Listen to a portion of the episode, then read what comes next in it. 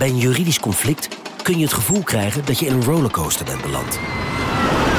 Je wereld staat op zijn kop en je bent de controle even helemaal kwijt. Dan is het fijn als je bent verzekerd bij ARAG. Daar werken topjuristen en advocaten die je begrijpen. Die een stap extra voor je zetten. En je het gevoel van controle teruggeven. Met kennis en informatie, met heldere uitleg en met gericht advies. ARAG, juridisch probleemoplossers. Een maatschappij waarin iedereen meedoet. Een gezonde, groene en rechtvaardige wereld. Daar willen jij en heel veel andere mensen best iets aan bijdragen. In het klein en in het groot. Dicht bij huis en ver weg. Zo hebben we vorig jaar 349 miljoen euro bij elkaar gebracht. Miljoenen waarmee onze goede doelenpartners de wereld elke dag een beetje beter kunnen maken. Nationale Postcode Loterij. Samen voor een betere wereld.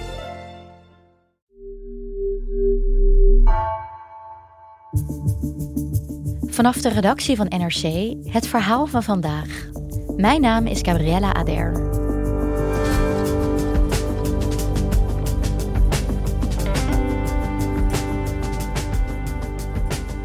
Vandaag treedt Jacinda Ardern af, de premier van Nieuw-Zeeland. Vorige week kondigde ze haar vertrek al aan. Een bericht dat voor Nieuw-Zeelanders en voor de rest van de wereld als een schok kwam. Waarom legt ze haar functie neer? En waarom is het zo'n schok? Vraagt correspondent Mijke Weijers zich af.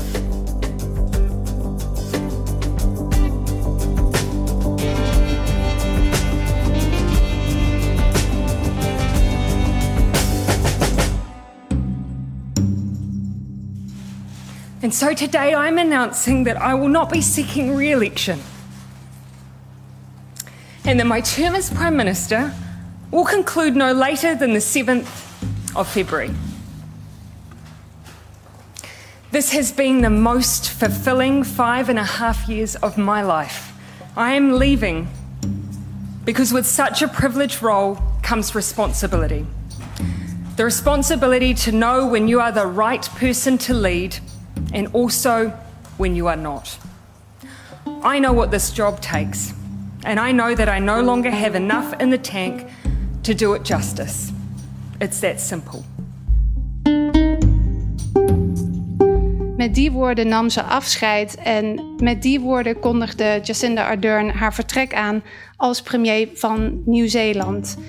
Jacinda Ardern werd in 2017 premier en ze werd internationaal gezien als een soort tegenwicht in de wereld van uh, Donald Trump en Bolsonaro, Boris Johnson in het Verenigd Koninkrijk. En zij wilde vanaf het begin al empathisch en daadkrachtig zijn. Jacinda Ardern zei ook vanaf het begin van haar leiderschap dat vriendelijkheid, aardig zijn, kindness, dat dat ontzettend belangrijk voor haar was een goed mens zijn. Dat is eigenlijk eh, wat, wat zij daarmee bedoelt. En dat is wat zij wilde uitdragen als leider van het land. Vandaag is de laatste werkdag van Jacinda Ardern als premier van Nieuw-Zeeland na ruim vijf en een half jaar. I want to finish with a simple thank you to New Zealanders for giving me this opportunity to serve and to take on what has and will always be the greatest role of my life. I hope in return I leave behind a belief that you can be kind but strong, empathetic but decisive, optimistic but focused, that you can be your own kind of leader, one that knows when it's time to go. En ik vraag me wel af, wat is het aan een premier van een klein land van slechts 5 miljoen mensen uh, dat zo'n enorme indruk maakt wereldwijd?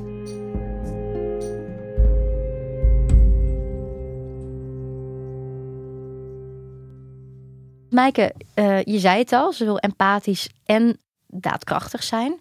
Ja, werkte dat voor haar? Was zij, was zij een goede premier? Nou, in crisistijd zeker.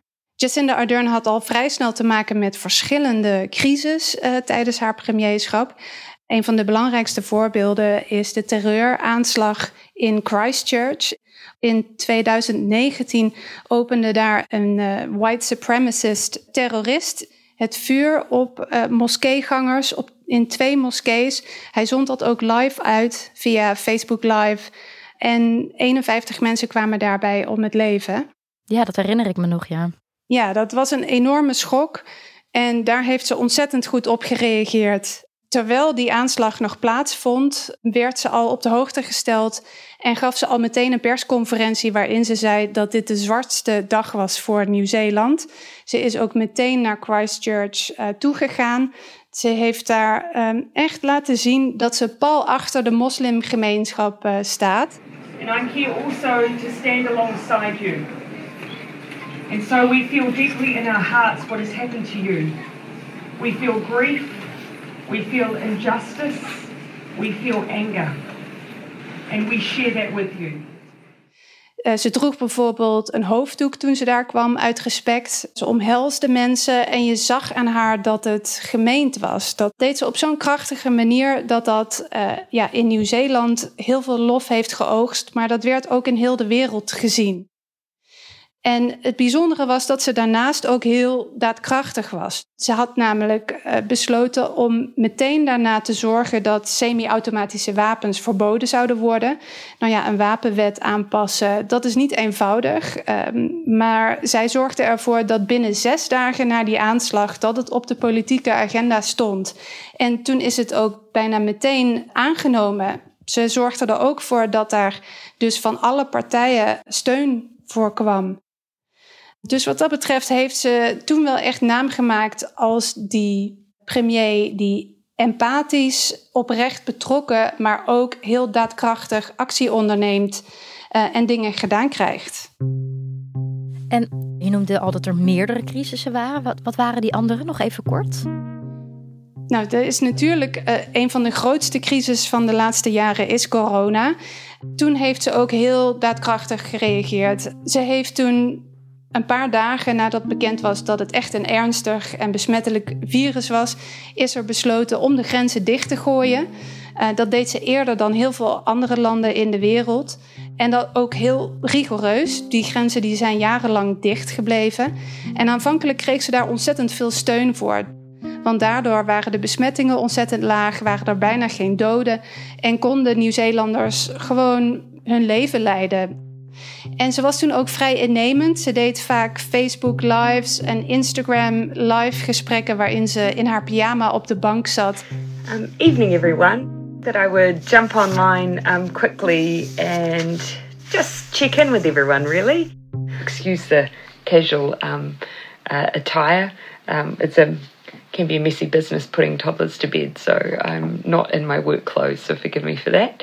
I do just want to prepare um, everyone that um, because of the lag with COVID-19, the time from. En uh, ja, vanuit haar eigen huis de mensen in Nieuw-Zeeland op de hoogte stelde van wat er gebeurde en wat hun beleidsvoornemens waren. En een keer liep ook haar dochtertje Nieve. Uh, die is dus geboren terwijl ze leider was van Nieuw-Zeeland, uh, een jaar later ongeveer. Um, dus een heel klein meisje nog, die kwam een keer terwijl ze bezig was met een soort ja, update uh, voor de natie, kwam haar dochtertje binnenvallen. Tea for business. You're meant to be in bed, darling. It's bedtime, darling. Pop back to bed. I'll come and see you in a second. I'll come and see you in a minute, okay? Sorry, everybody. En dat is ook wel heel schattig. En ja, heel veel mensen konden zich daarmee identificeren. Want tijdens zo'n lockdown zat iedereen thuis te werken met kinderen en, uh, uh, en partners en, en gedoe om zich heen. Um, dus toen ja, heeft ze juist door dat hele laagdrempelige, heeft ze heel veel mensen in Nieuw-Zeeland voor zich ingenomen. Je zegt in crisistijd uh, was ze heel goed. Maar bedoel je dan dat Ardern minder goed was buiten de crisis om? Ja, dus je kunt Jacinda Ardern eigenlijk zien als een premier van uh, de, de uiterste. Dus in crisistijd was ze heel sterk. Maar daarbuiten heeft ze het toch vrij moeilijk gehad om die verkiezingsbeloftes die ze heeft gedaan het binnenlandse beleid om dat waar te maken. Uh, toen ze aantrad in 2017, toen beloofde ze de armoede onder kinderen fors omlaag te brengen. Uh, ze beloofde heel streng klimaatbeleid. En ze beloofde ook om iets te doen uh, aan de woningnood. In Nieuw-Zeeland zijn de huizen duurder dan bijna waar dan ook ter wereld. Dus dat was een van de speerpunten waarmee zij begon aan haar regering. En het is haar niet gelukt om dat waar te maken. Hoe, hoe komt het dan dat, dat ze dat allemaal niet waar kan maken?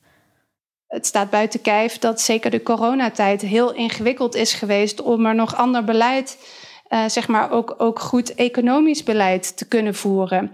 De laatste maanden heeft ze daar heel veel kritiek uh, op gekregen. Dat de economie in het slop zit. Uh, dat vanwege die hele lange gesloten grenzen um, nou, toerisme ontzettend gedaald is.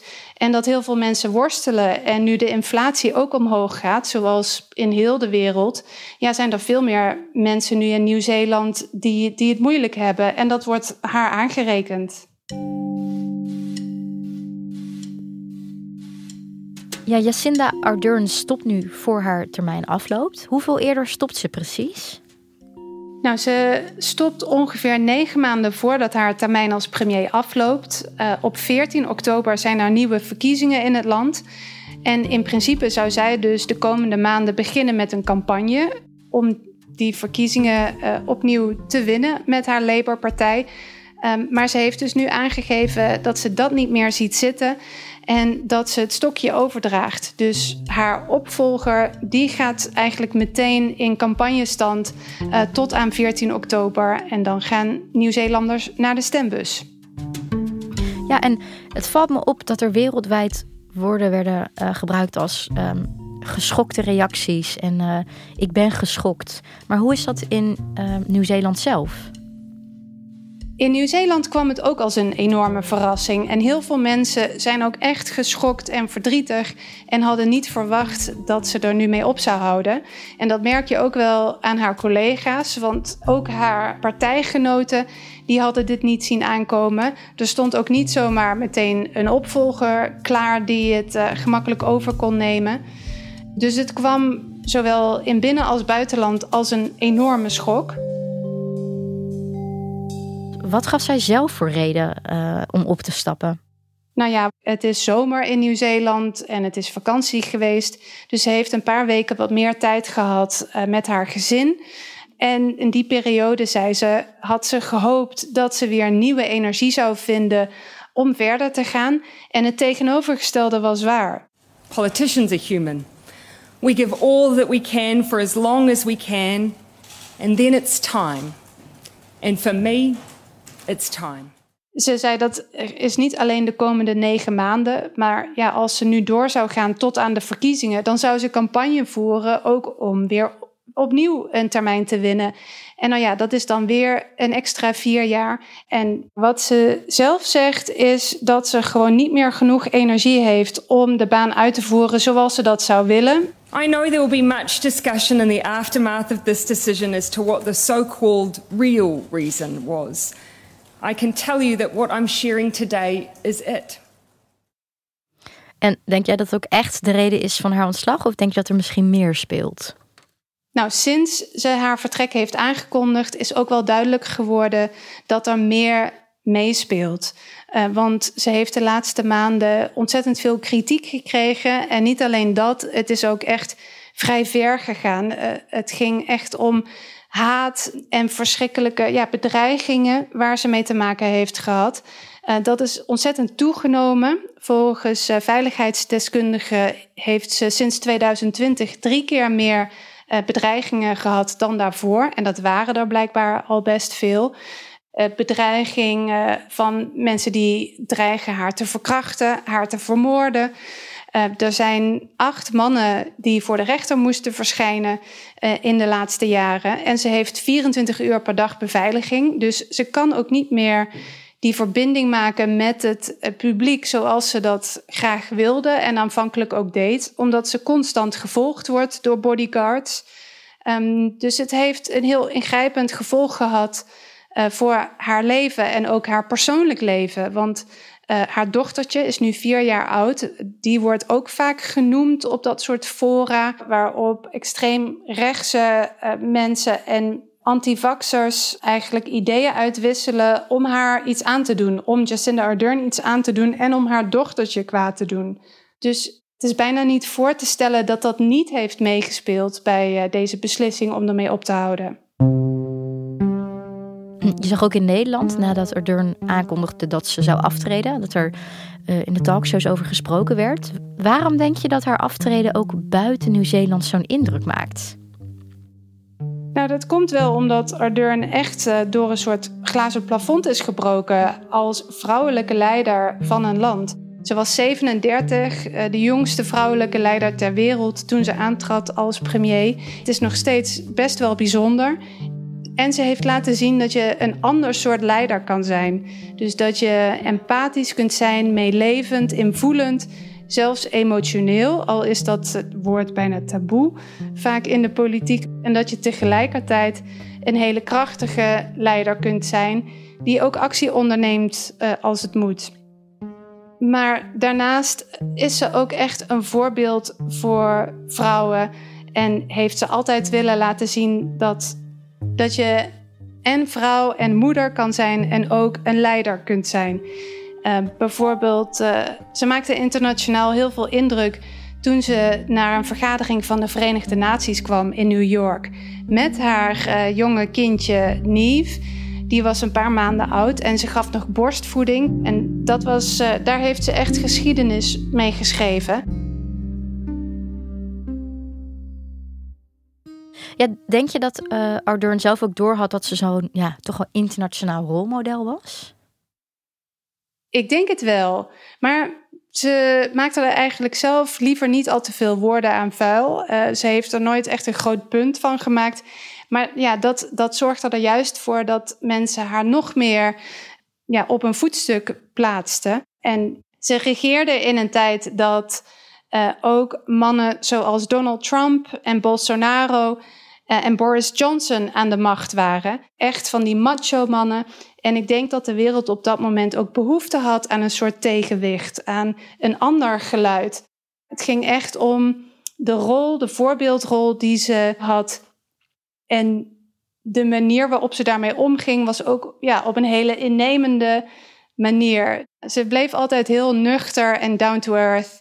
En had het eigenlijk ook liever niet te veel over het seksisme waar ze mee te maken had. Niet zo lang geleden nog een opvallend voorbeeld dat ze de premier van Finland ontving. En dat een journalist vroeg van, ja, spreken jullie eigenlijk alleen af omdat jullie allebei vrouw zijn van oh, dezelfde leeftijd? Daar reageerde ze altijd wel heel goed op.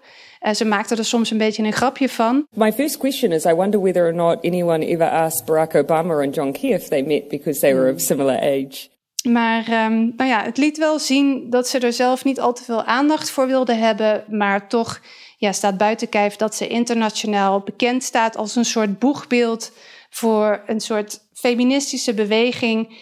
En het bewijs is dat uh, ja, vrouwen ook heel sterke leiders kunnen zijn. Ja, want wie gaat haar nu opvolgen? Dat is dus niet een vrouw, geloof ik.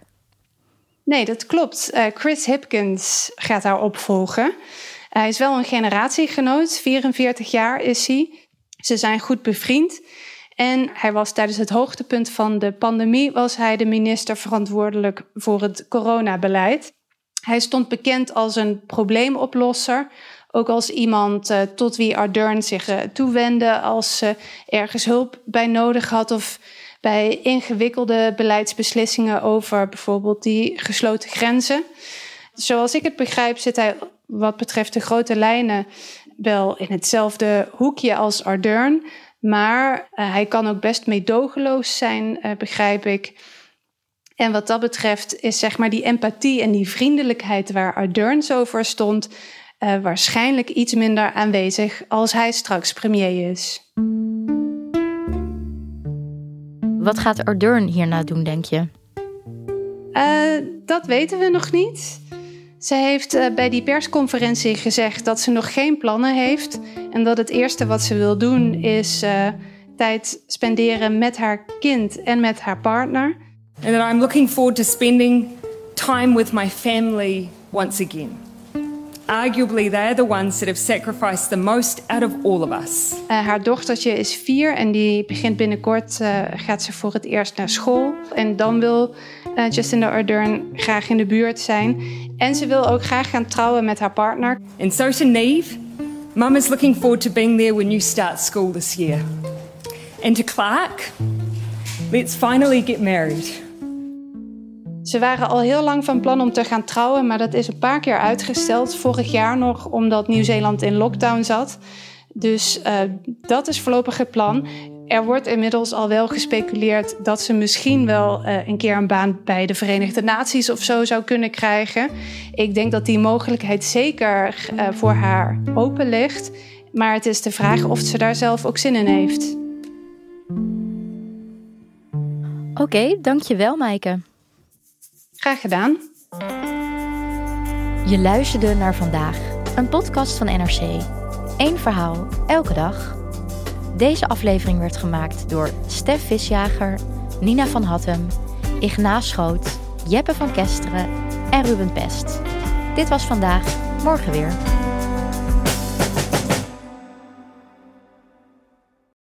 De financiële markten zijn veranderd, maar de toekomst, die staat vast.